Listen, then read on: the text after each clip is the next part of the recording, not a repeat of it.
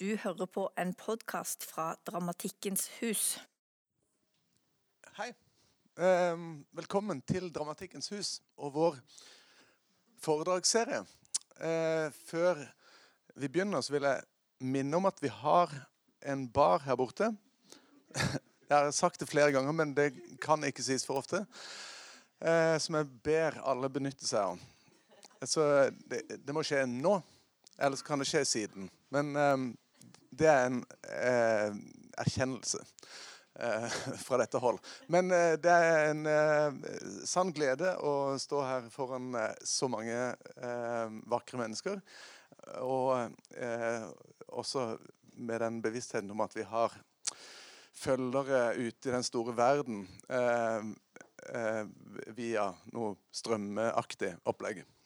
Eh, og det gjøres et opptak av dette her, som senere blir en podkast. Og derfor ber jeg alle som har innspill, for dette, dette, er fullt mulig i sånne sammenhenger som dette her, å snakke eh, til Helga Guren, da, først og fremst, som eh, vi er kjempeglade for å ha i hus eh, og som skal snakke om Marina Abramovic. Og da setter vi bare i gang.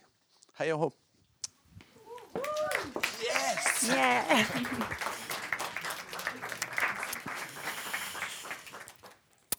Takk for uh, invitasjonen. Uh, veldig hyggelig å få komme hit. Veldig kult uh, konsept, altså, dette her. Jeg heter da Helga Guren. Jeg er fra Rygge i Østfold. Jeg er eh, 32 år. Jeg eh, jobber som skuespiller og musiker og sanger. Og er eh, fast ansatt på Rogaland Teater i Stavanger, eh, hvor jeg bor.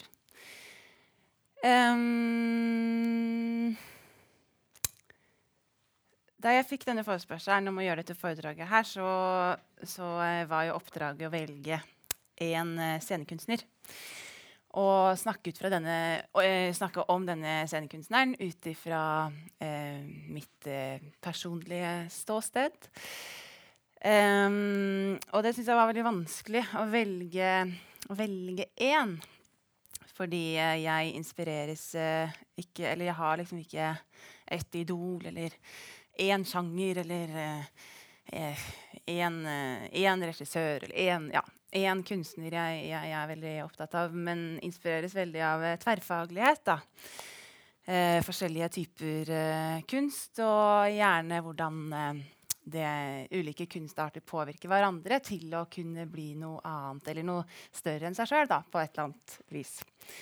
Um, og ja, så om er om jeg inspireres av liksom et dikt eller uh, av en låt eller av en danseforestilling eller uh, en karakters uh, i en film um, Det er veldig varierende. Um, men så Akkurat nå har jeg permisjon fra Rogaland Teater og jobber med litt andre prosjekter. Blant annet så holder jeg på med en monolog som heter La Merda. Dritt av Christian Ceresoli. En uh, italiensk uh, dramatiker. Denne teksten uh, kom i 2011. Gjorde den ikke det? 2012. Um, ehm, den ble skrevet i forbindelse med ja, Italia sitt 150-årsjubileum som nasjon. Um, ja, hele teksten er um, et fantastisk kunstverk. Uh, denne jobber jeg med nå. Og i arbeidet med denne monologen så har jeg møtt på helt uh, nye utfordringer, egentlig, som, som, menneske og som skuespiller og scenekunstner. Um, og jeg har måttet uh, ja, trå over noen nye grenser uh, som har vært skremmende, selvfølgelig, og veldig utfordrende og gøy. men i det arbeidet så har jeg tenkt mye på Marina Abramovic. Um, og egentlig funnet en litt sånn trygghet i å uh, søke til hennes verker.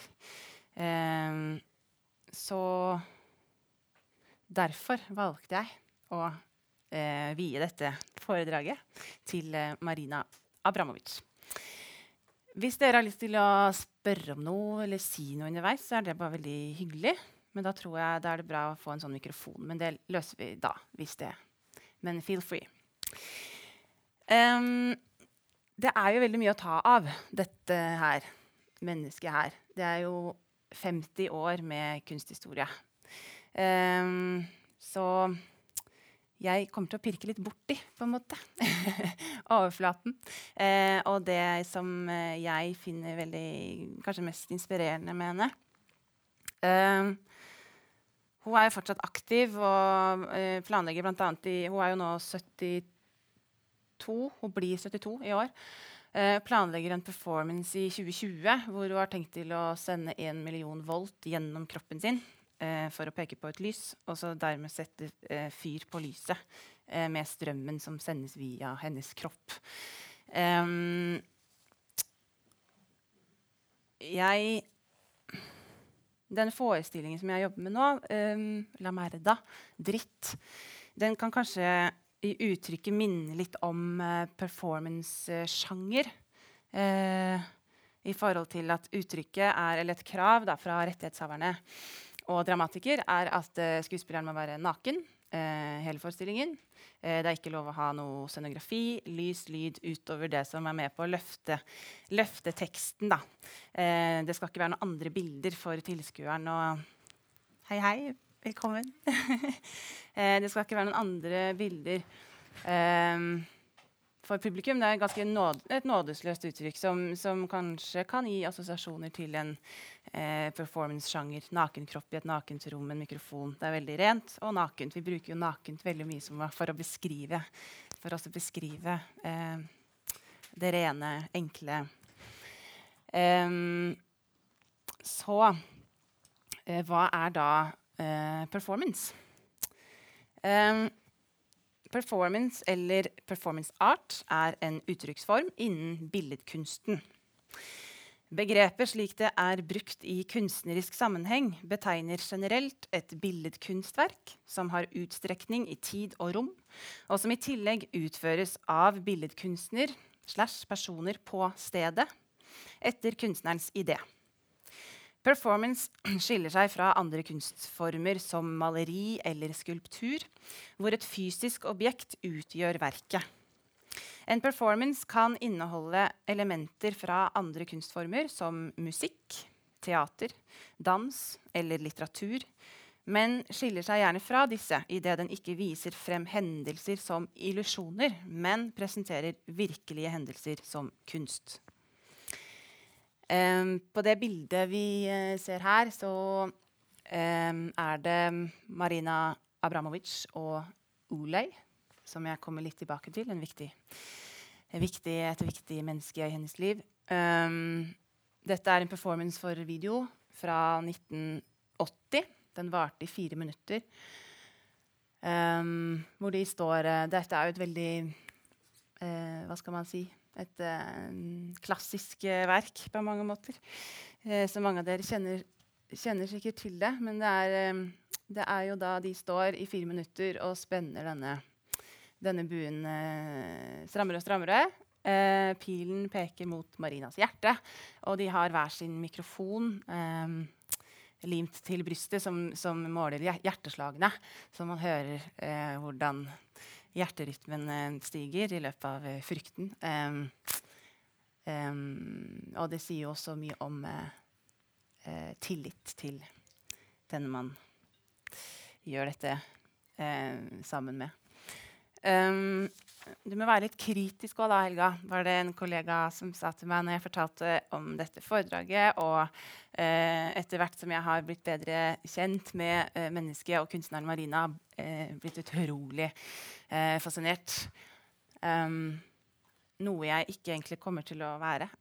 Fordi um, jeg, jeg, ser et menneske og en kunstner som prøver å utfordre grenser hele veien i seg sjøl og i publikum og i kunsten, hva kunsten kan være. Um, og jeg har tatt uh, utgangspunkt i veldig mye i hennes uh, selvbiografi, 'Walk Through Walls'. Uh, så det er jo selvfølgelig hennes sannhet, som jeg ikke har etterprøvd. Men jeg velger å har valgt å gå inn i hennes sannhet for å prøve å forstå mer av henne som menneske og, og som kunstner.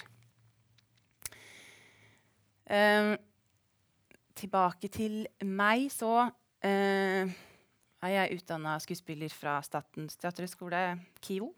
Og gikk ut derfra for ti år sia. Og um, det er jo en skole som um, utdanner uh, Det er en veldig god, god, skole, en veldig håndverksmessig skole, som har fokus på uh, det å gjøre en skuespiller best mulig i stand til å takle enhver utfordring man blir gitt, på et vis. Um, og etter jeg hadde jobba noen år, så kjente jeg at det eh, jeg, jeg, må ha noe mer. og det, jeg jobba i, i, institusjoner i Norge og eh, var med på var, Jeg syntes det var fascinerende hvor, hvor, hvordan ting fungerte noen ganger. og tenkte at eh, jeg må gjøre noe. Jeg må eh, ja, gjøre noe, eller så kan jeg egentlig slutte som, eh, som skuespiller. Og da fikk jeg eh, en melding fra en tidligere lærer ved Teaterhøgskolen eller min tidligere lærer Daff, eh, som eh, visste at jeg var veldig interessert i, i mer påfyll. Og var sånn Det er et masterkurs i Stockholm, da, som det burde du sjekke ut. Um, og Stockholm Dramatiske høgskole har sånne master, ettårige masterprogram som de retter, retter veldig spesifikt mot et uh, område. Um, det eksisterer liksom one time only, og så retter det seg mot det eh, kan være radiolyd eller det kan være mimikunst. Eller, for det, som KIOS er det en, en stor eh, institusjon med mange retninger. Eh, film, radio, regi, teater. Um, så dette året jeg søkte på, eh, master, dette masterprogrammet, het 'Den autonome skådespilleren'. Altså den autonome skuespilleren. den frie, uavhengige skuespilleren. Skuespilleren som kunstner.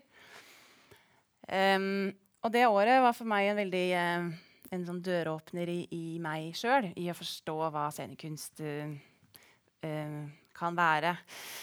Jeg var veldig grønn. Jeg var 19 år da jeg kom inn på teaterskolen og, og visste ikke så mye om, om teater. Så, så, det var en veldig Det året i Stockholm for meg var veldig ja, det ga meg en ny forståelse i forhold til at det var retta mye mot europeisk, ikke-institusjonell scenekunst.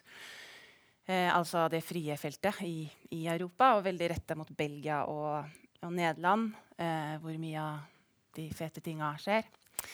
Um, og jeg opplever at vi som mennesker har, eh, vi har veldig behov for å sette ting i bås. At vi, at vi har behov for å plassere ting. Um, og det handler jo om noe sånn instinktivt i oss, tror jeg. Sånn trygghetssøkende instinkt. Og, men at vi har behov for å kjenne igjen og plassere for å vite hva vi omgir oss med. Um, og innenfor scenekunst så opplever jeg at vi har veldig, veldig behov for å Hei. for å ja, si, sette liksom, merkelapp på det vi Er det, er det musikkteater? Er det, er det teaterkonsert? Er det musikal? Er det opera? Um, at vi har veldig behov for å ja, plassere sjangeren i bås. Um, som, som, er veldig naturlig, og som jeg også gjør. Og uh, prøver ofte å, å, ta et skritt tilbake og fjerne meg fra for å uh, uh, Altså det, å, det året i Stockholm var også veldig mye fokus på hvordan de ulike scenekunstsjangerne glir over i hverandre. Og i forhold til denne La Merda, denne monologen, så så kan det jo være litt sånn Eller er det eh, det, er, det, er, på en måte denne teksten som et poetisk verk. Det, er, eh, det kan også ses som et musikalsk verk. Det er skrevet ut ifra Kristian Serusoli han skriver, han bruker satser istedenfor akter. Han bruker musikkterminologiske referanser i måten eh, utøveren, protagonisten Dette er ikke en karakter, det er en protagonist. Eh, skal framføre denne teksten. Um, er, er det kunstverk i teksten? Er det, er, det, er det, poesi? Er det rockekonsert? Er det stemmebruksperformance? Er det en teaterforestilling? Er det um, Ja. Det Marina Abramovic. Um, da Marina skulle lære å svømme uh, da hun var liten, så tok faren henne med ut i en båt og uh, kasta henne over bord og rodde vekk. Eh, og hun beskriver sjøl at hun ble så sint at hun klarte å karre seg opp til eh, overflaten. Eh, og ble løfta om bord igjen. Eh, og har senere tulla med at, eh, That's how the partisans taught their children how to swim. Hun er jo da datter av eh, partisanere. Eh, partisaner Det går veldig mye igjen, eh, dette her, i ordet partisan. Eh, partisan er, så vidt jeg har eh, skjønt, på en måte en, eh, en som alltid er i mot, en motstandsbevegelse. I motstand mot det regjerende. Blir ikke det riktig å si? Eller? Nei? Hva, hvordan er det? Hva er det? Hva, er det ikke det? Det er motstand under andre verdenskrig. I Jugoslavia partisaner var kamper Jeg trodde det også ble brukt i liksom forskjellige sammenhenger enn bare Jugoslavia. Nei? Jo, men de, bru- de bruker det ordet, partisansk, som, som et motstandsord. Stemmer, men når Ja. Marina snakker om sin far Ja, Ja, ja, absolutt. Ja, ja, ja. Det, det var eh, Hun er jo ja, født i Beograd og eh, tidligere Jugoslavia. Eh, og jeg er født i 1946, så rett etter annen verdenskrig. Eh, jeg skal ikke bevege meg så veldig mye inn på uh, historiebiten av hvordan uh, Jugoslavia så ut, men det var jo et uh, kommunistregime, og hun er oppdratt veldig, med veldig streng disiplin og mye vold. Hun ble slått mye av særlig mammaen sin og av tanta si, og ikke av faren sin. Og ble låst inne i skap. Eh, ja, kunne bli slått fordi hun var eh, Bli vekka midt på natta og slått fordi hun sov for rotete, f.eks. Eller hvis hun satt for rotete i sofaen og spiste sjokolade. Eh, så helt um, bisarre ting, da. Eh, begge foreldre var nasjonale helter pga. Deres heltemodige innsats under annen verdenskrig eh, i kampen mot nazismen, for kommunismen. Em, hun beskriver fra hun var liten at hun, har, eh, at hun så ånder og spøkelser, og at hun snakka med, snakka med, med dem og så dem, og det var helt naturlig ting. Og når lyset gikk på, så var de borte. Um, hun visste fra at hun var seks år at hun ville bli kunstner. Uh, hun har en lillebror som er seks år yngre, som hun uh, prøvde å Enten bevisst, unnbevisst, vet ikke. Og eh, beskriver sjøl for holdt på å drukne han i badekaret. Eh, han, hun opplevde at han fikk en helt annen status og en helt annen oppmerksomhet og, og omsorg og kjærlighet fordi han var, eh, fordi han var gutt. Eh, og en gang hun skulle bade han, så, så holdt hun han under, og så kom bestemammaen og, og dro han opp. Eh, hun bodde hos bestemammaen sin til hun var eh, seks år. Eh, foreldra kom bare på besøk i helgene. Eh, men når hun fikk lillebror, da, så eh, kom hun vel flytta hjem til sine foreldre igjen. Eh, men hun beskriver den tida hos bestemammaen sin som veldig eh, kjærlighetsfull og eh, ja, omsorgsfull. Og eh, hun var veldig, bestemammaen var veldig religiøs og opptatt av eh, eh, rutiner eh, og åndelighet. Og noe som seinere kom jo veldig tilbake i hennes arbeid som performancekunstner. Hun sier sjøl at det som redda henne, var eh, kunsten da hun var eh, 14 år og begynte å male. Og, og hun ble en veldig god maler og gikk på, på kunstakademi.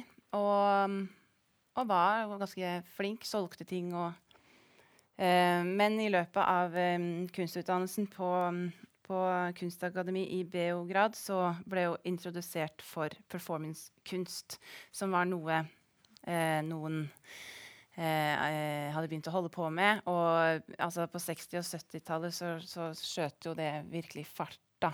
Eh, at veldig mange eh, undersøkte den kunstformen. Hun levde under ekstrem kontroll av, av sin mamma helt til hun var i slutten av 20-åra. Hun bodde hjemme, hjemme helt til det. Og, eh, men mora liksom Det var hjemmetid klokka ti på kvelden hver dag. Det var Eh, ja, hun hadde kontroll på alt. Så Marina hadde ikke egne penger. Hun fikk ikke kjøpe, kjøpe de klærne hun ville gå i. Det var liksom mammaen som styrte, styrte alt. Eh, en kveld hun kom hjem fra en åpning på en utstilling på, på Belgrade Museum of Contemporary Art. Så kom hun hjem klokka ti som vanlig. Eh, de andre på åpningen skulle ut og spise middag og, og kose seg, men hun måtte jo da hjem til denne hjemmetiden. Eh, det var mørkt når hun kom hjem, og tenkte at, eh, hun beskriver at, og tenkte at det var deilig at hun, ma, da mamma godt har lagt seg, slipper jeg å forholde meg til det. Eh, så satt mora og venta på henne i stua, og hadde, noen hadde ringt til henne i løpet av denne kvelden og fortalt at eh, datteren din henger naken på eh, museet. Um, og da uh, sa uh, Etter en lang tirade fra, fra mammaen, så sa mammaen uh, I gave you life, and now I will take it away from you. Og så kasta hun et stort krystallaskebeger mot hodet til Marina. Og bomma, bomma, med et par centimeter. Og etter det så flytta Marina ut. Um, I eh, 1975 så traff hun eh, Olei, som dere så bilde av i stad, med den eh, pilen. Eh, den Frank Ove eh, Leisjepen. Leisjepen heter han egentlig. På, han er tysk. Eh, men eh, gikk kun under navnet Olei. Ulai. Um, de møttes i uh, Amsterdam. Uh, de hadde bursdag samme dag. De uh, oppdaga at de begge pleide å rive ut, rive ut den dagen man hadde bursdag, fra, fra, dagboka. Fordi ingen hadde så veldig nært forhold til, eller hadde ganske eh, negative forhold til sine bursdager. Eh, de var like høye og like tynne, de hadde like langt hår. De pleide å sette opp håret på lik måte. Var, ja, de beskriver at det var som å møte tvillingsjelen sin. Da. Eh, og mange beskriver det som sånn ultimat eh, kjærlighetshistorien. og de eh, begynte å jobbe sammen og eh, blei etter hvert en merkevare, egentlig. Marina og, og Olei. Um, turnerte over hele uh, ja, store deler av verden. Ble invitert til å gjøre verker her og der, på utstillinger, festivaler. Gjorde masse researchreiser i det åndelige uh, aspektet. Um, den bodde flere måneder blant annet, med en aboriginerstamme i Australia som uh, kommuniserte via stammespråk og telepati. Um, de reiser til India og Tibet. Um, og har hatt samtaler og researchreiser og møter hos diverse munker og klostre og lamaer. Um, og dette er jo også noe Marina har gjort veldig mye på egen hånd, eh, også i ettertid, og, og, fortsatt gjør, tror jeg. Eh, I å undersøke, undersøke hva, vi, hva vi egentlig er i stand til, på et eller annet vis. Opplever jeg det som. Um, og Ulei har vært veldig viktig for um, Det er jo ikke noe tvil om han har vært ekstremt viktig for hennes karriere. Det var et vendepunkt, en game changer for henne å møte han. Og det de gjorde sammen, og kontakter og uh, nettverk og um, ja, Han har vært ekstremt viktig for henne, men jeg kommer ikke til å snakke så veldig mye mer om han enn det. Uh, bortsett fra noen flere verker som er veldig uh, Ja Um, hun omtaler seg sjøl som tre marinaer. Hvor den ene er uh, soldaten, som hun mener hun har blitt trent opp til å bli fra hun uh, var liten. Um, uh, den andre er en utrolig skuffa og trist jente som aldri fikk nok kjærlighet fra mammaen sin. Og den tredje er en med spirituell visdom som kan heve seg over de andre to. Og Eh, dette er hennes egen favoritt. da. Denne åndelige, spirituelle. Um, jeg har lyst til å spille et uh, uh, musikkstykke for dere. Men før jeg gjør det, så vil jeg fortelle dere om noe som heter affektlæren. Uh, affektlæren er pseudovitenskap. Noe som vil si at det det virker som, eller utgir seg for, å være vitenskapelig. Men det finner, følger ikke alminnelig anerkjente kriterier for å regnes som vitenskap. Eller ikke har status som vitenskap.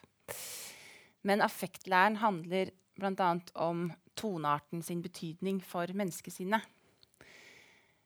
Um, den ble nedtegna av Christian Schobart, som var en musikkvitenskapsmann. Og den ble gitt ut i 1806, og den var nedtegna etter en flere hundre år gammel praksis. Og i det at man mener at de ulike toneartene kan ha forskjellig påvirkning på menneskesinnet, så eh, repre representerer f.eks. F-dur tilfreds og rolig. F-moll dypt deprimert, klagesyngende, stønner av smerte i sin lengt etter graven. C-dur helt ren. Karakteren er uskyldig, enkel, naiv og barnlig. C-moll påstand om gleden ved varm kjærlighet og samtidig smerten av ulykkelig kjærlighet. Det lengtende, sukkende uttrykket til en kjærlighetssyk ligger i denne tonearten. Astur gravens toneart. Død, forråtnelse, dom og evighet er i dens radius.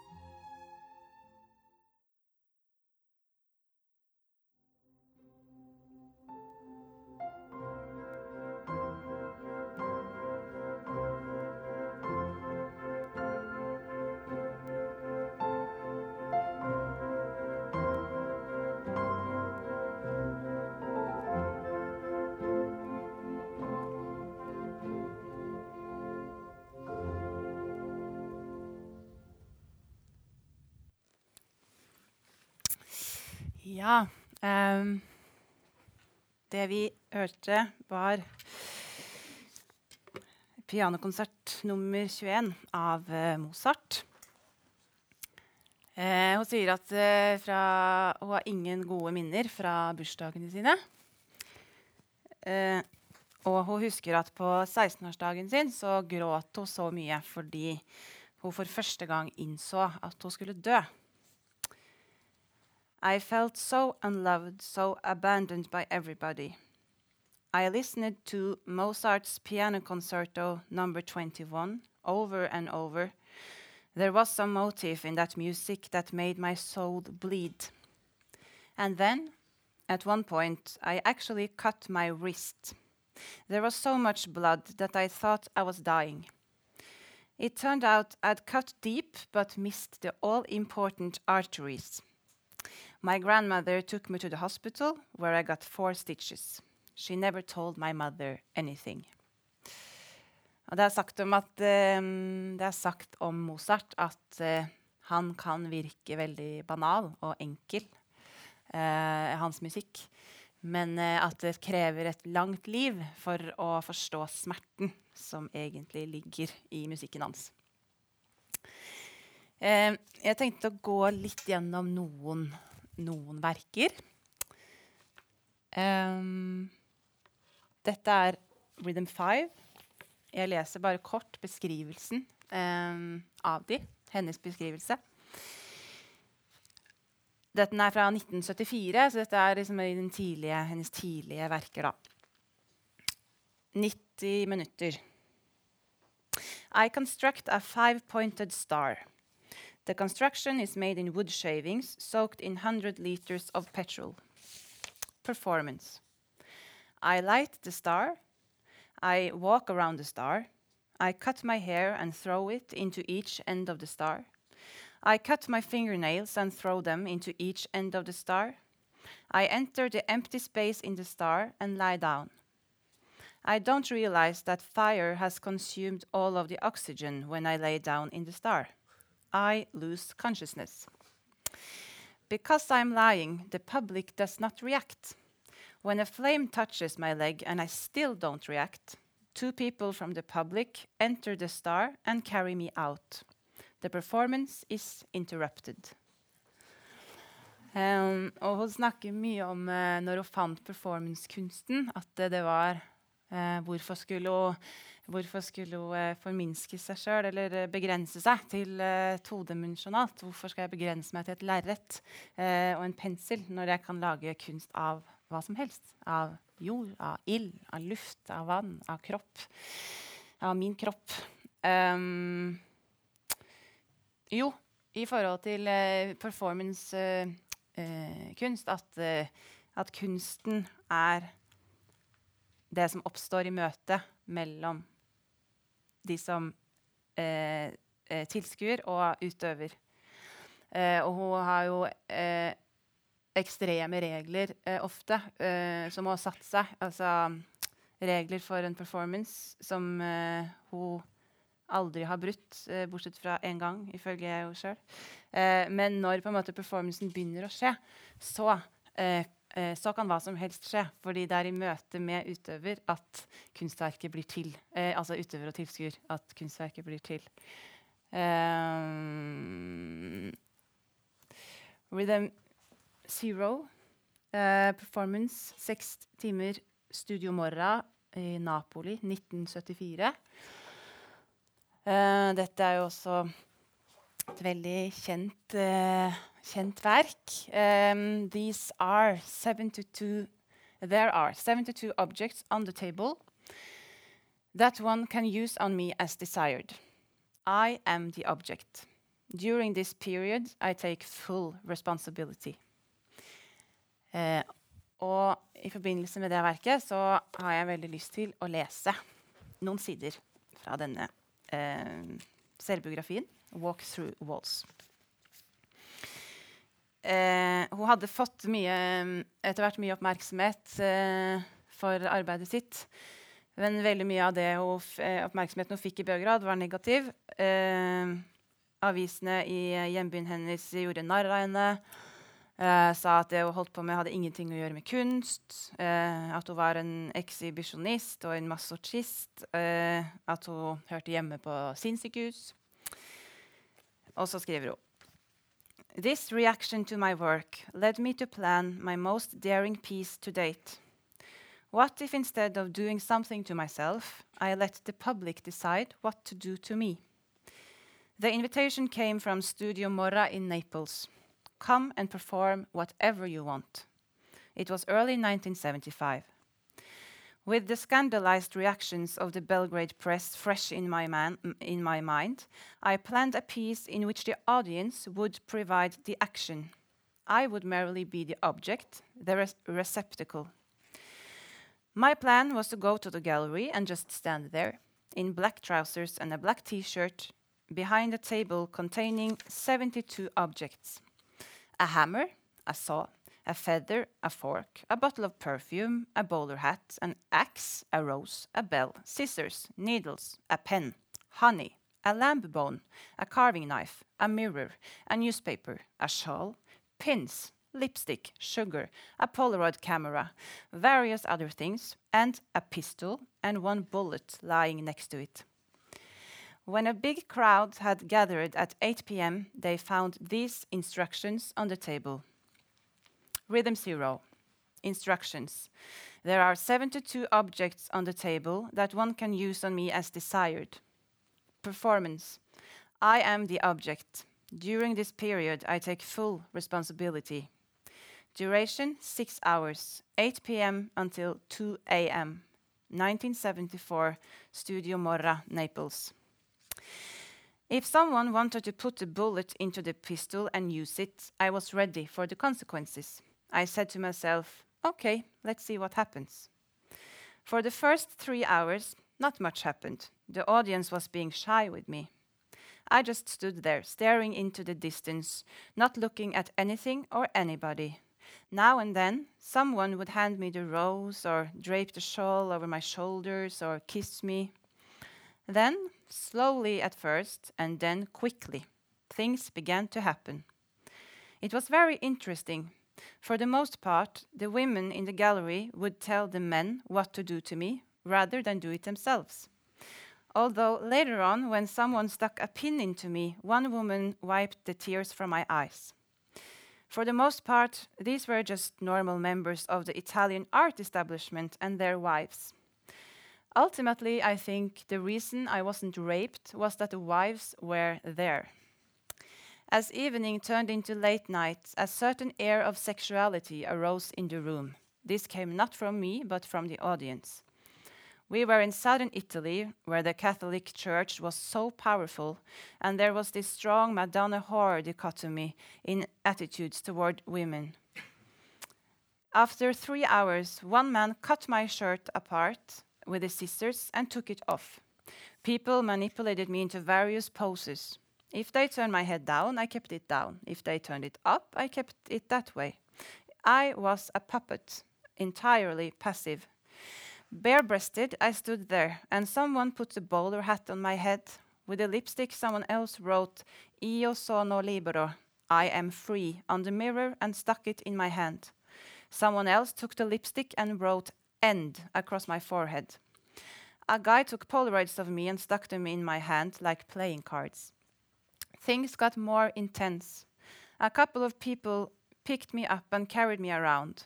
They put me on the table, spread my legs, stuck the knife in the table close to my crotch. Someone stuck pins into me. Someone else slowly poured a glass of water over my head. Someone cut my neck with a knife and sucked the blood. I still have the scar. There was one man, a very small man, who just stood very close to me, breathing heavily. This man scared me. Nobody else, nothing else did, but he did. After a while, he put the bullet in the pistol and put the pistol in my right hand. He moved the pistol toward my neck and touched the trigger. There was a murmur in the crowd, and someone grabbed him. A scuffle broke out. Some of the audience obviously wanted to protect me, others wanted the performance to continue. This being southern Italy, voices were raised, tempers flared. The little man was hustled out of the gallery, and the piece continued. In fact, the audience became more and more active, as if in a trance. And then, at 2 a.m., the gallerist came and told me the six hours were up. I stopped staring and looked directly at the audience. The performance is over, the gallerist said. Thank you. I looked like hell. I was half naked and bleeding, my hair was wet, and a strange thing happened. At this moment, the people who were still there suddenly became afraid of me. As I walked toward them, they ran out of the gallery. The gallerist drove me back to my hotel, and I went to my room alone, feeling more alone than I'd felt for a long time. I was exhausted, but my mind wouldn't stop buzzing, replaying scenes from the wild evening. The pain that had been absent when I received the pinpricks and the cut to my neck now throbbed. The fear of that little man wouldn't leave me. Eventually, I fell into a kind of half sleep. In the morning, I looked in the mirror, and a whole clump of my hair had turned gray. In that moment, I realized that the public can kill you. The next day, the gallery received dozens of phone calls from people who had participated in the show. They were terribly sorry, they said. They didn't really understand what had happened while they were there. They didn't know what had come over them. What had happened while they were there, quite simply, was performance. And the essence of performance is that the audience and the performer make the piece together. I wanted to test the limits of how far the public would go if I didn't do anything at all. This was a brand new concept to the people who came to Studio Morra that night, and it was perfectly natural that those who attended felt worked up about it, both during the performance and afterward.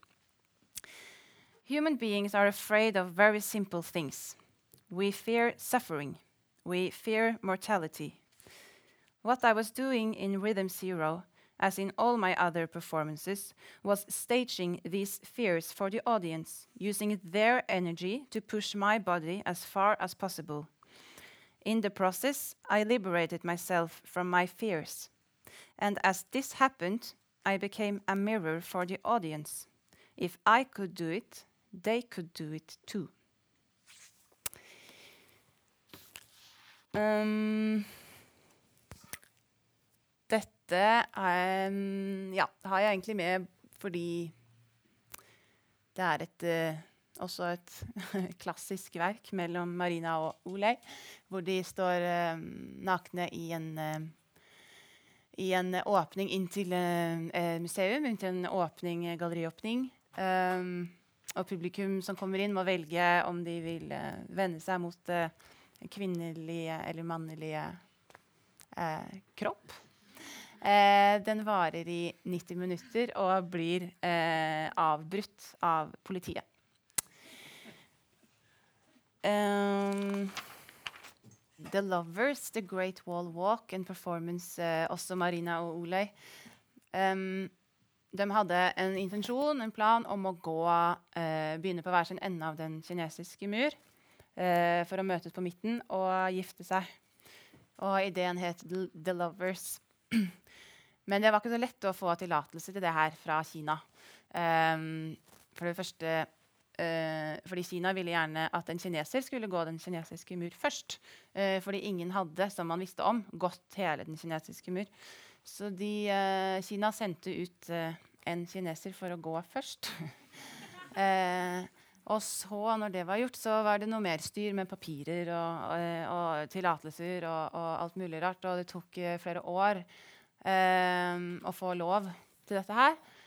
Og forholdet til Marina og Olei begynte å skrante. De begynte å gli fra hverandre. Og mye fordi eh, Marina satte alltid kunsten først. Eh, var helt nådesløs i sitt arbeid med det. Og tok tre aborter for hun ville aldri ha barn. For da kunne hun aldri være en sånn nådesløs kunstner og vie hele livet sitt til, eh, til kunsten og hele tida pushe pushe seg sjøl, pushe grensene, utsette seg sjøl for fare, og at hun ikke ville ha et sånt ansvar. Da ville hun aldri eh, eh, vært fri til å gjøre det.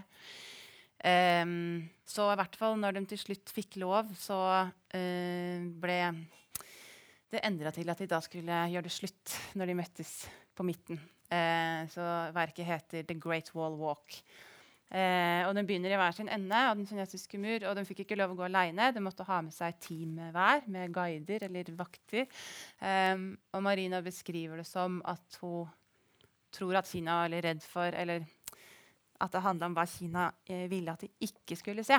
Eh, hun beskriver bl.a. at hun har gått forbi eh, mennesker som er bindet fast i trær ute i ødemarka eh, for å dø, og ulver som eh, spiste utmagra lik.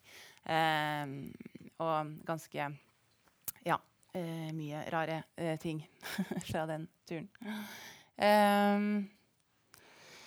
et annet veldig Noe som også gjorde at forholdet mellom Marina og Olai begynte å skrante, var en performance de gjorde sammen som het Night Sea Crossing. Den har vært veldig vanskelig å finne bilde av, så den har jeg ikke noe bilde av. Um, men um, den ideen er at de sitter på hver sin ende av et bord, uh, på hver sin stol, og ser på hverandre. Uh, de skal sitte urørlige, ikke røre en muskel, um, i et visst antall timer, uh, i visst antall dager. Eh, og det å sitte stille på en stol er eh, mye mer smertefullt enn det man eh, skulle tro. Og det er en, en, vanvittig belastning for kroppen å ikke, ikke, skulle røre, ikke skulle riste løs skuldrene, ikke skulle eh, bevege seg i det hele tatt, men sitte i samme posisjon i eh, Jeg husker ikke hvor mange timer det er, men det er snakk om eh, i hvert fall liksom, ja, la oss si 10-15 timer. Eller så lenge som mulig.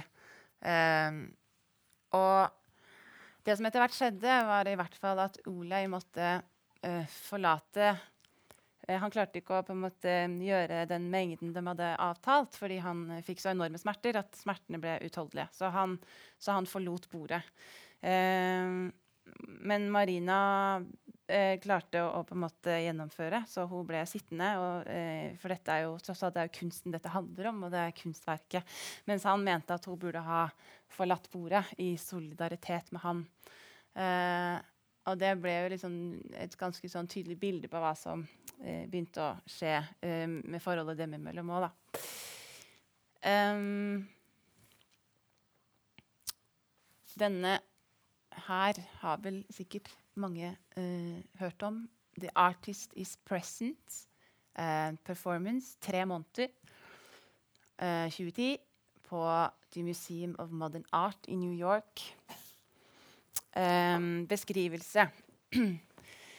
For three months during the opening hours of the museum and the duration of the exhibition, Marina Abramovich sat silent and motionless at a table facing an empty chair in which visitors to the museum were invited to sit. The duration and frequency of the silent exchange between the artist and sitter was left to the sitter. Marina Abramovich wore a red dress during the month of March, a blue dress during the month of April, and a white dress during the month of May. In the final month of the performance, the table was removed. Uh, og det var første gang hun uh, brøt en regel som hun hadde satt sjøl. At hun flytta det bordet, uh, som handla om at Hun beveger jo da Det hun ja, bare eneste hun gjør mellom mellom alle som kommer og, og, setter seg, er at hun ser ned eh, og nullstiller seg, ser opp eh, og møter blikket til dette mennesket som har valgt å sette seg ned. Um, og så var det en dag det var en rullestol som satt bak det bordet.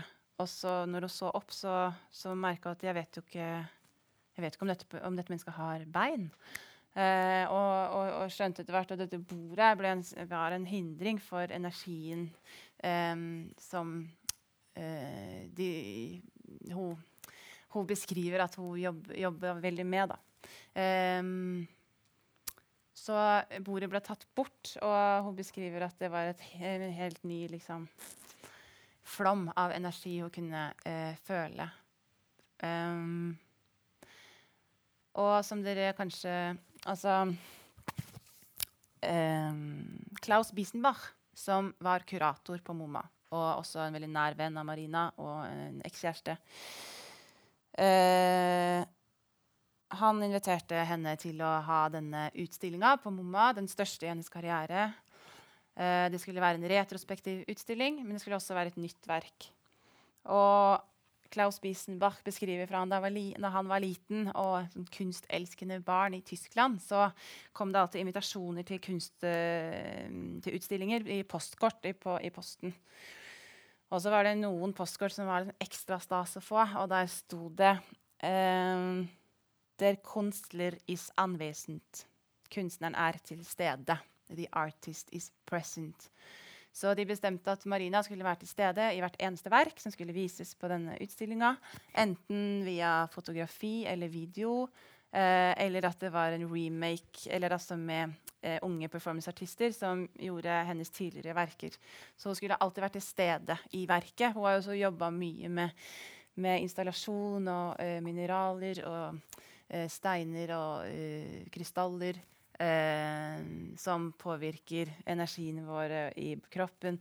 Ja, undersøker veldig mye eh, dette. Um, men, eh, dette, men, dette, skulle kun være liksom, uh, performance-basert, eller at hun var til stede i verket.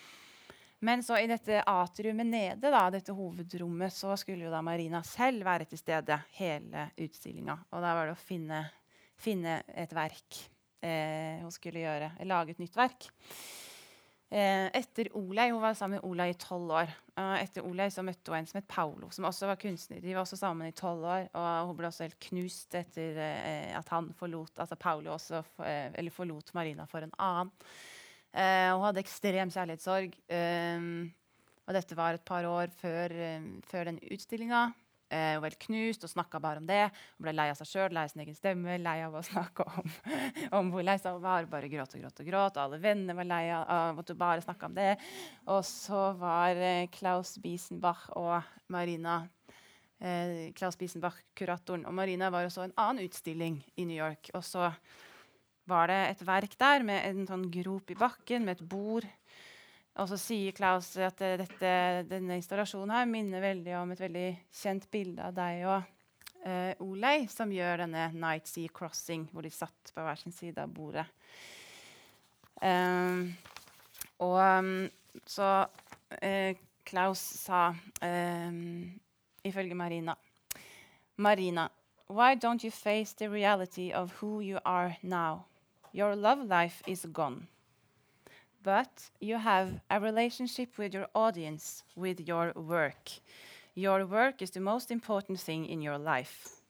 Why don't you just do in MoMA Atrium what you did in Japan with Ule, except that instead of Ule sitting across the table from you, it's the public. Now you're alone. The public completes the work. Em, og når hun beskriver tre treninga, eh, måten å trene opp kroppen sin til å gjøre det her, da, så altså, begynte begynte ett ett år før eh, på å lære opp kroppen sin til å kun få mat eh, eller frokost veldig tidlig på morgenen. Ikke noe vann i løpet av dagen, for da må jo tisse, og det er uaktuelt. En proteinshake på kvelden. Eh, og det er det. Ehm, og vann som sagt bare liksom på morgenen eller på kvelden.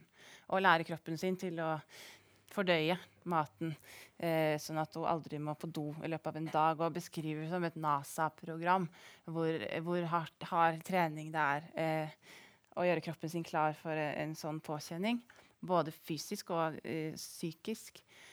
Eh, og snakker jo veldig mye om det eh, the art of doing, doing almost nothing at all. At uh, det vanskeligste er det som ser så enkelt ut. Uh, um, for forståelsen dit er så uh, lang. Arbeidet, innsatsen ditt. Um, og det ble bygd en sånn, Disse møblene er bygd til utstillinga. Og under stolen som Marina sitter på, så ble det bygd en liten sånn container, eller, eller, en liten sånn boks med et hull.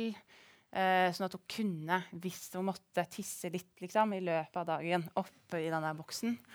Uh, men etter dag nummer to så skjønte hun at uh, den trenger jeg ikke. Får jeg ikke. Den får jeg ikke bruk for, så da la hun en pute oppå. Og det ble spekulert om hun hadde på seg en stor type bleie eller noe sånt, for å liksom, altså, tisse i den i løpet av dagen. Men hun sier sjøl at there was no need. I'm a partisan. I've trained my body. Ja, noe sånt. Hvor hun eh, ja, er helt nådesløs når det kommer til det. Hun snakker mye om, eh, om hva mennesker jo egentlig er i stand til. Hvor mye mer vi er i stand til enn det vi, enn det vi ofte vet. Snakker mye om hvordan den vestlige kulturen, hvordan vi undertrykker smerte i våre liv, hva vi egentlig går og kjenner på og føler i oss, hva vi egentlig er i stand til å forstå eh, å kjenne. Hun har Jo, jeg opplever jo at Marina har en veldig er ganske vanskelig å plassere i en bås. Fordi hun jobber med kunstverk som, som går veldig bredt. En veldig, og veldig bred appell. Og så selvfølgelig etter hvert Sånn som Med The Artist's Present så fikk hun jo plutselig et helt nytt publikum, bl.a. fordi Lady Gaga var, var innom en dag og tvitra positivt om det. Og plutselig så tok det helt av med unge mennesker som eh, løp til Moma og sov utafor i sovepose for å, for å få plass til å kanskje sitte ved siden av henne. Um, og det var jo folk som aldri har vært, eh, for eksempel, aldri har vært i et galleri før. Altså, hun når jo ut til en veldig um, bredde av, i befolkninga. da. Hun har jobba også innafor mer mot teater med, med Robert Wilson. Eh, hun har jobba med JZ, eh, eller J, hva sier man? JC? J, hva heter han? JZ? Ja. Eh, men eh, du kjenner i hvert fall det er ganske liksom, langt fra hverandre i uttrykk og form og, og sjanger og mening. Jeg har lyst til å lese en liten ting til fra hennes selvbiografi, som handler om Nei, det kan dere høre sjøl, egentlig. Failures are very important. They mean a great deal to me. I always question artists who are successful in whatever they do. I think what that means is that they're repeating themselves and not taking enough risks. If you experiment, you have to fail. By definition, experimenting means going to territory where you've never been, where failure is very possible. This is why I love the story of Christopher Columbus.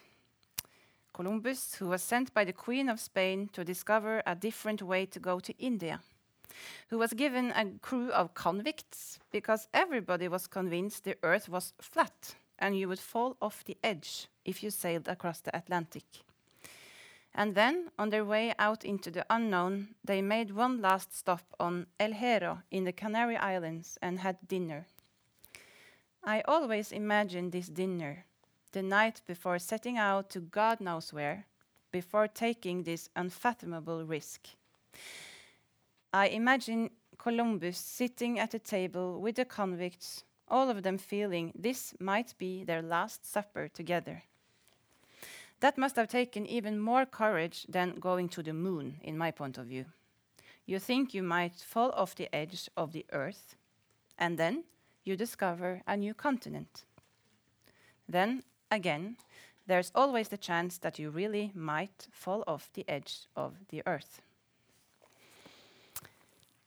Em, sånn som jeg ser uh, Marina etter hvert, så Eller jeg, jeg opplever henne litt som en eh, antropolog, egentlig.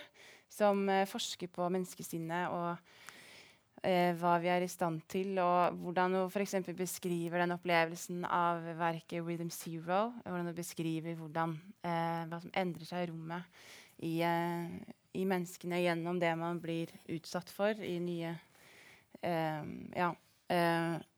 Eh, antropologer har jo gjort det i flere hundre år, men jeg opplever at eh, jeg ser det som at hun holder litt på med det um, i navnet av kunst.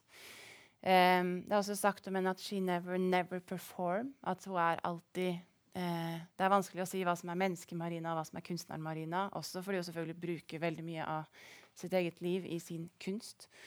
Uh, men at kunstneren og mennesket er uløselig knytta sammen. Og jeg opplever òg at mye av det hun gjør, i stor grad handler om, om tillit og kjærlighet. Og eh, i bunn og grunn et ønske om å gi og få kjærlighet. Um, jeg tenkte at jeg skulle avslutte med å spille av en sang.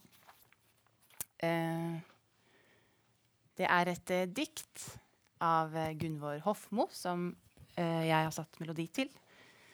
Eh, det er et eh, liveopptak fra en konsert i vår med Jeg har også tatt med meg noen sånne plater, for jeg har et, eh, jeg har et band som heter, eh, eller et musikkollektiv som heter Gurun Salong.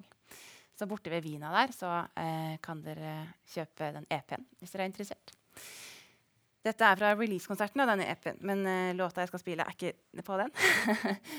Em, det er jeg som eh, spiller norsk harpe og synger. Det er Anders Brunar Hauge som spiller synt. Diktet av Gunvor Hofmo heter 'Jeg vil hjem'.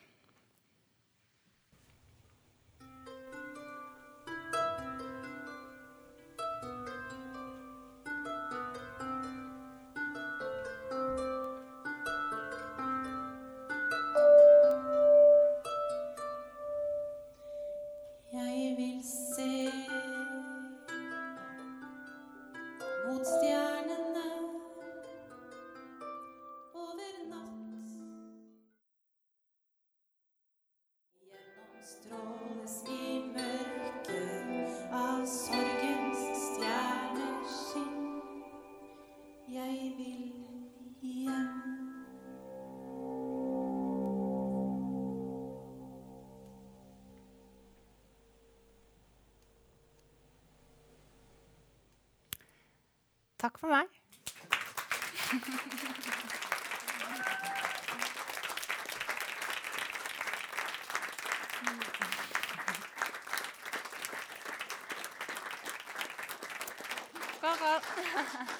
Eh, ja, takk, eh, takk det samme, holdt jeg på å si.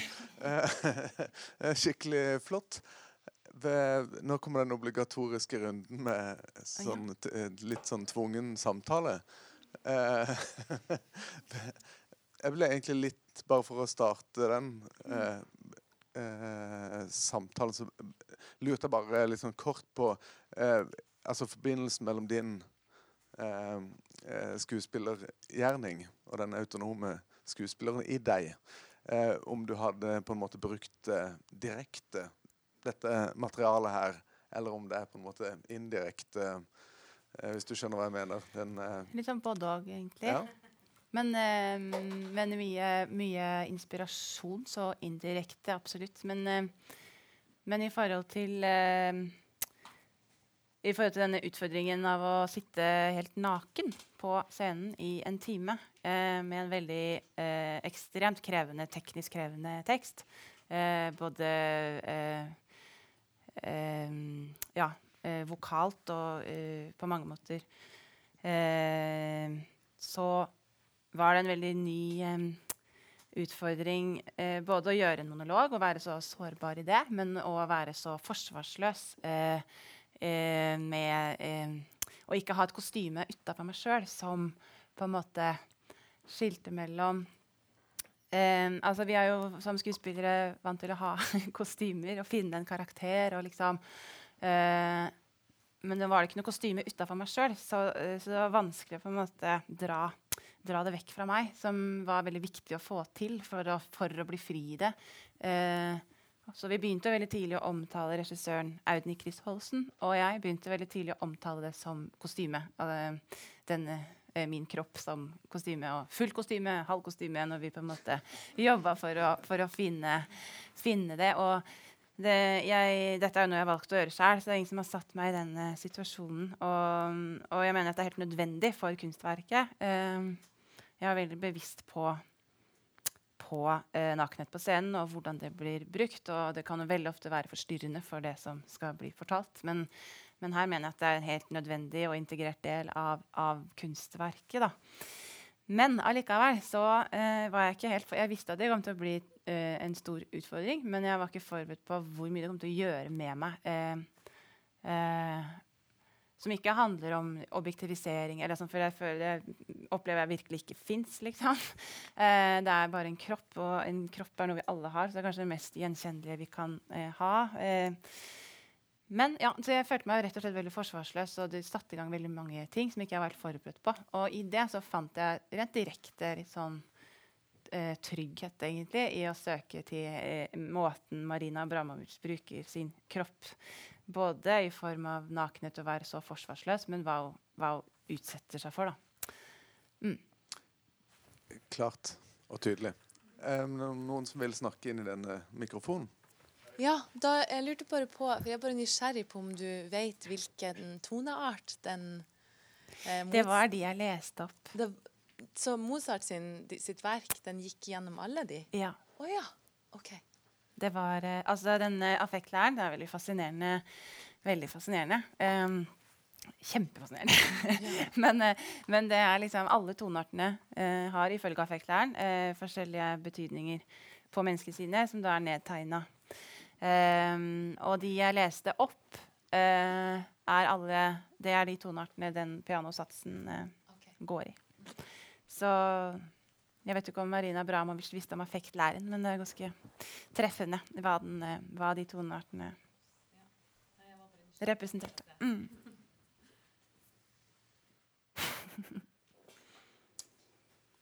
OK. Noen flere spørsmål? Ja. Vær så god. Snakk i den, vær så snill. Det er pga. podkasten. Det er pga. podkasten. Aha. Jo, jeg lurte bare på om eh, Du snakket i den eh, installasjonen du hadde på MoMA, Mm. The Artist Is Present, så snakket du om det tidligere eh, forholdet du hadde hatt. Eh, den kjæresten du hadde hatt før, som hun var i sorg over. ja. Eh, og så vet jeg at der er det en video derfra hvor det kom en tidligere elsker. ja. Så lurte jeg på, er det han, eller er det han? Altså, det er han, eh, det er han som kommer i denne videoen. Det er en fantastisk video, da. Eh, men ehm, for dere som ikke vet det, så er han Olei. Som hun han var som kommer, ja. som hun var sammen med i tolv år, og som hun gjorde det verket der med. The Artist, altså Night Sea Crossing. De, eh, de levde jo Ja. Nei, fantastisk historie. Det er masse, masse, masse eh, gøy å lese om. Um, men han kom eh, på åpninga av The Artist Is Present. Og eh, Marina visste at han var der, eller hun hadde vel invitert han, for han var jo tross alt en stor del av en del av de verkene som var utstilt retrospektivt i de øvre etasjene. Eh, men hun hadde ikke forventa at, at han skulle komme og sette seg, noe han gjorde. Eh, ja, det var vel kanskje den andre gangen hun har brutt en regel. Hun hadde jo egentlig laga regler om å sitte, sitte sånn som hun sitter der, og angra veldig etter hvert på at ikke hadde valgt armlener, fordi da kunne hun på en måte ha, ha laga eh, Eller hatt tyngde på, på armene. Men siden hun sitter sånn, så ble det etter hvert ekstrem påkjenning i skulderpartiet. og ja, Hun ble også tilbudt å slutte underveis, faktisk, fordi kuratoren var redd for at hun eh, rett og slett skulle dø fordi det var så enorme smerter. Men em, så kom i hvert fall Olei og satte seg ned på åpningskvelden. Og, og da, det er et veldig, det fins på YouTube, det er bare å søke på. Og de gråter, og, og da lener hun seg frem og tar han i hendene. og det er Veldig rørende. Snakk i mikrofonen, er du skjønn. Du snakket om tre ulike marinaer, bl.a. den spirituelle, som var hennes foretrukne. da. Ja. Eh, og også litt, eh, når du nevnte den performancen her, eh, de ulike energiene som hun tok imot. da, Bl.a. fra den, fra den rullestolbrukeren. Jeg lurte på om du ville si litt mer om den spirituelle marinaen? Hvis du har noe Ja, det er masse å si. um, altså sånn uh, eh, Det er veldig mye sånn hmm, det, er, det, er, det er mye sånn konkrete eksempler i denne biografien som jeg syns er veldig fascinerende, men som jeg valgte å, å ikke ta med, for det kan virke og litt sånn eh, frastøtende og skremmende. For det er, det er jo ikke noe vi veldig, snakker mye om i vår kultur. Um, men hun har jo brukt enorm eh, tid på å undersøke menneskesinnet, på en måte. Altså når hun drar til Tibet og liksom, det, er, det, er, det er lange reiser hvor hun virkelig, virkelig går inn i eh, en annen form og lærer, prøver å lære seg en annen form for kommunikasjon. Eller ikke lære seg, men egentlig å åpne kroppen og la den eh, eh, la, Og gi tilgang da, til, de, til den mentale eh, forståelsen vi egentlig kan inneha. Um, hun snakker, som hun snakker om det fra hun var helt liten òg, eh, når hun ble låst inni de der mørke skapa uh, som straff av mammaen sin. Og at det, det var helt naturlig, liksom. At det var folk hun snakka med der, og døde mennesker og skygger. Og, eh, så det var jo noe som begynte når hun var veldig liten, det å kunne kanskje se noe ikke alle ser. Um, men det har jo på en måte fulgt henne egentlig hele, hele veien eh, i hennes kunst eh, og arbeid. Denne nysgjerrigheten og søknen og, eh, og, og arbeidet etter å prøve å eh, bli tilgjengelig for kunnskap. Hun snakker veldig mye om f.eks. Altså smerte. da. Uh, hun har jo utsatt kroppen sin for uh, enorme påkjenninger. Det er jo masse jeg ikke har med her, men at hun altså, har piska seg eh, til blods og skjærer opp magen sin med, eller en fem, skjærer en femkanta stjerne mag, eh, på magen. Så det legger seg på, på isblokker, har varmelampe på magen, sånn at den stjerna begynner å eh, blø. Altså eh, gjort eh, ekstreme ting. Eh, og hun snakker om liksom, state of mind. Hun snakker veldig mye om at det handler ikke om eh, what you're doing, but in what state of mind you're doing it. Em, og, og det å jobbe for å komme dit, da, den enorme konsentrasjonen og, og, utholde så mye. Smerte, f.eks., så sier du at når det er liksom så vondt at Og det beskriver jo egentlig her òg, i dette verket. Når det gjør så vondt at nå tenker jeg at nå dør jeg. Eller nå, nå, nå, er, nå, mister jeg, nå mister jeg bevisstheten, helt konkret. Fordi jeg klarer ikke mer smerte. Og når du først har da kommet dit, så er det liksom en ny dør som åpner seg, hvor smerten forsvinner. Og i det så er det en ny forståelse. Ja. Men det, det er, ja, jeg syns det er veldig spennende sjøl.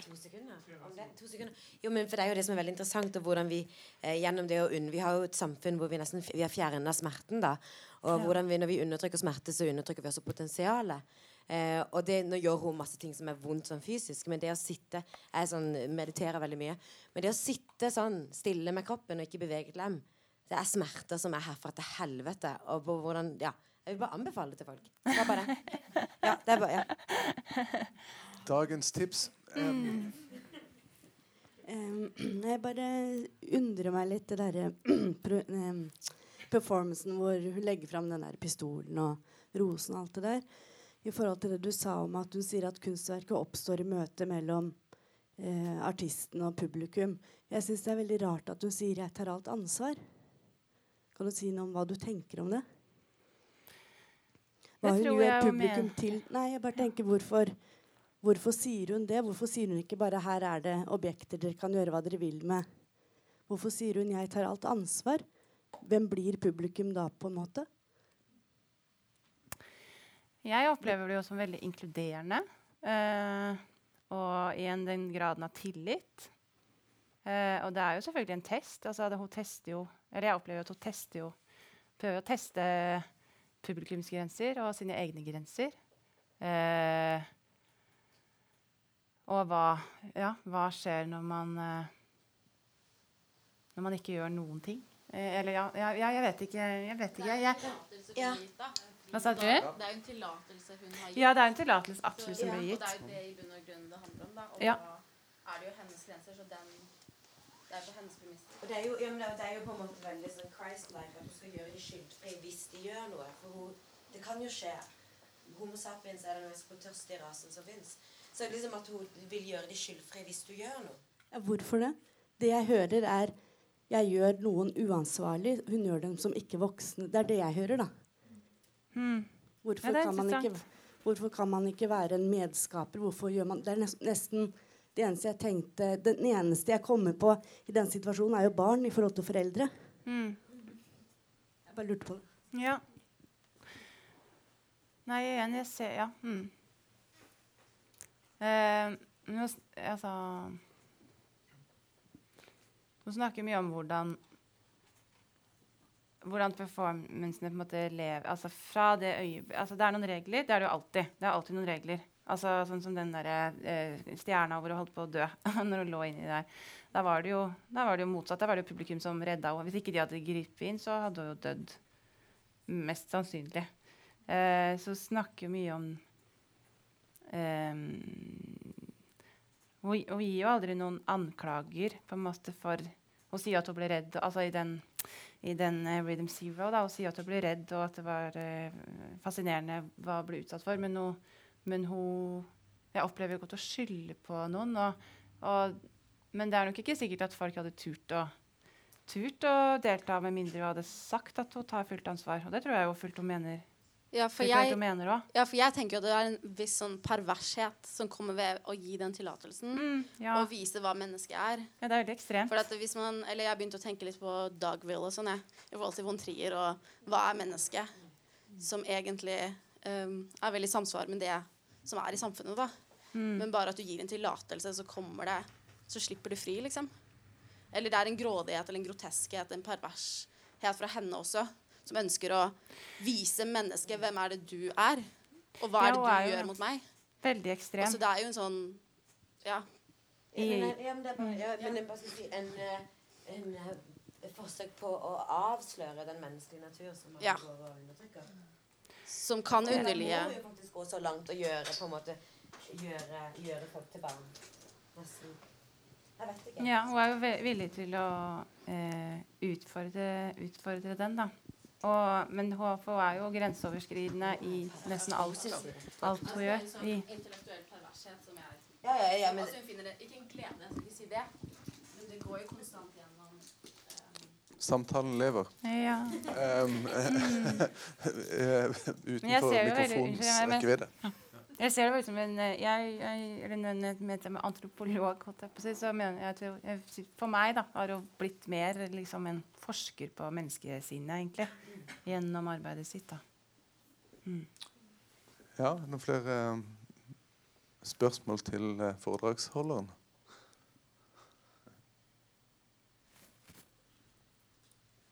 Vi har vel noen spørsmål til oss selv? Ja, altså eh, Skal vi si det sånn? Ja. Veldig glad for at du kunne komme. Veldig Helga. Guren. og Skikkelig inspirerende og flott eh, seanse. Eh, jeg slutter som jeg begynte, eh, med å ønske deg velkommen. Neida, med, med, å, med å si at det er en bar her fremdeles, og at det er en eh, større bar der inne. Eh, alt handler om bar til syvende og sist. Eh, så det var alt for i dag. Hei.